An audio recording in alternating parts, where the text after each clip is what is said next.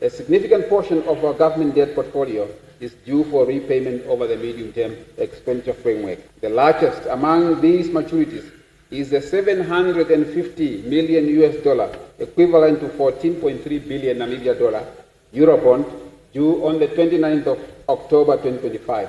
This is the largest single-day debt maturity in the history of our country. In this regard, we are committed to redirect part of the increase in revenues towards a sinking fund to manage the rollover risk and contain increases in future debt service obligations.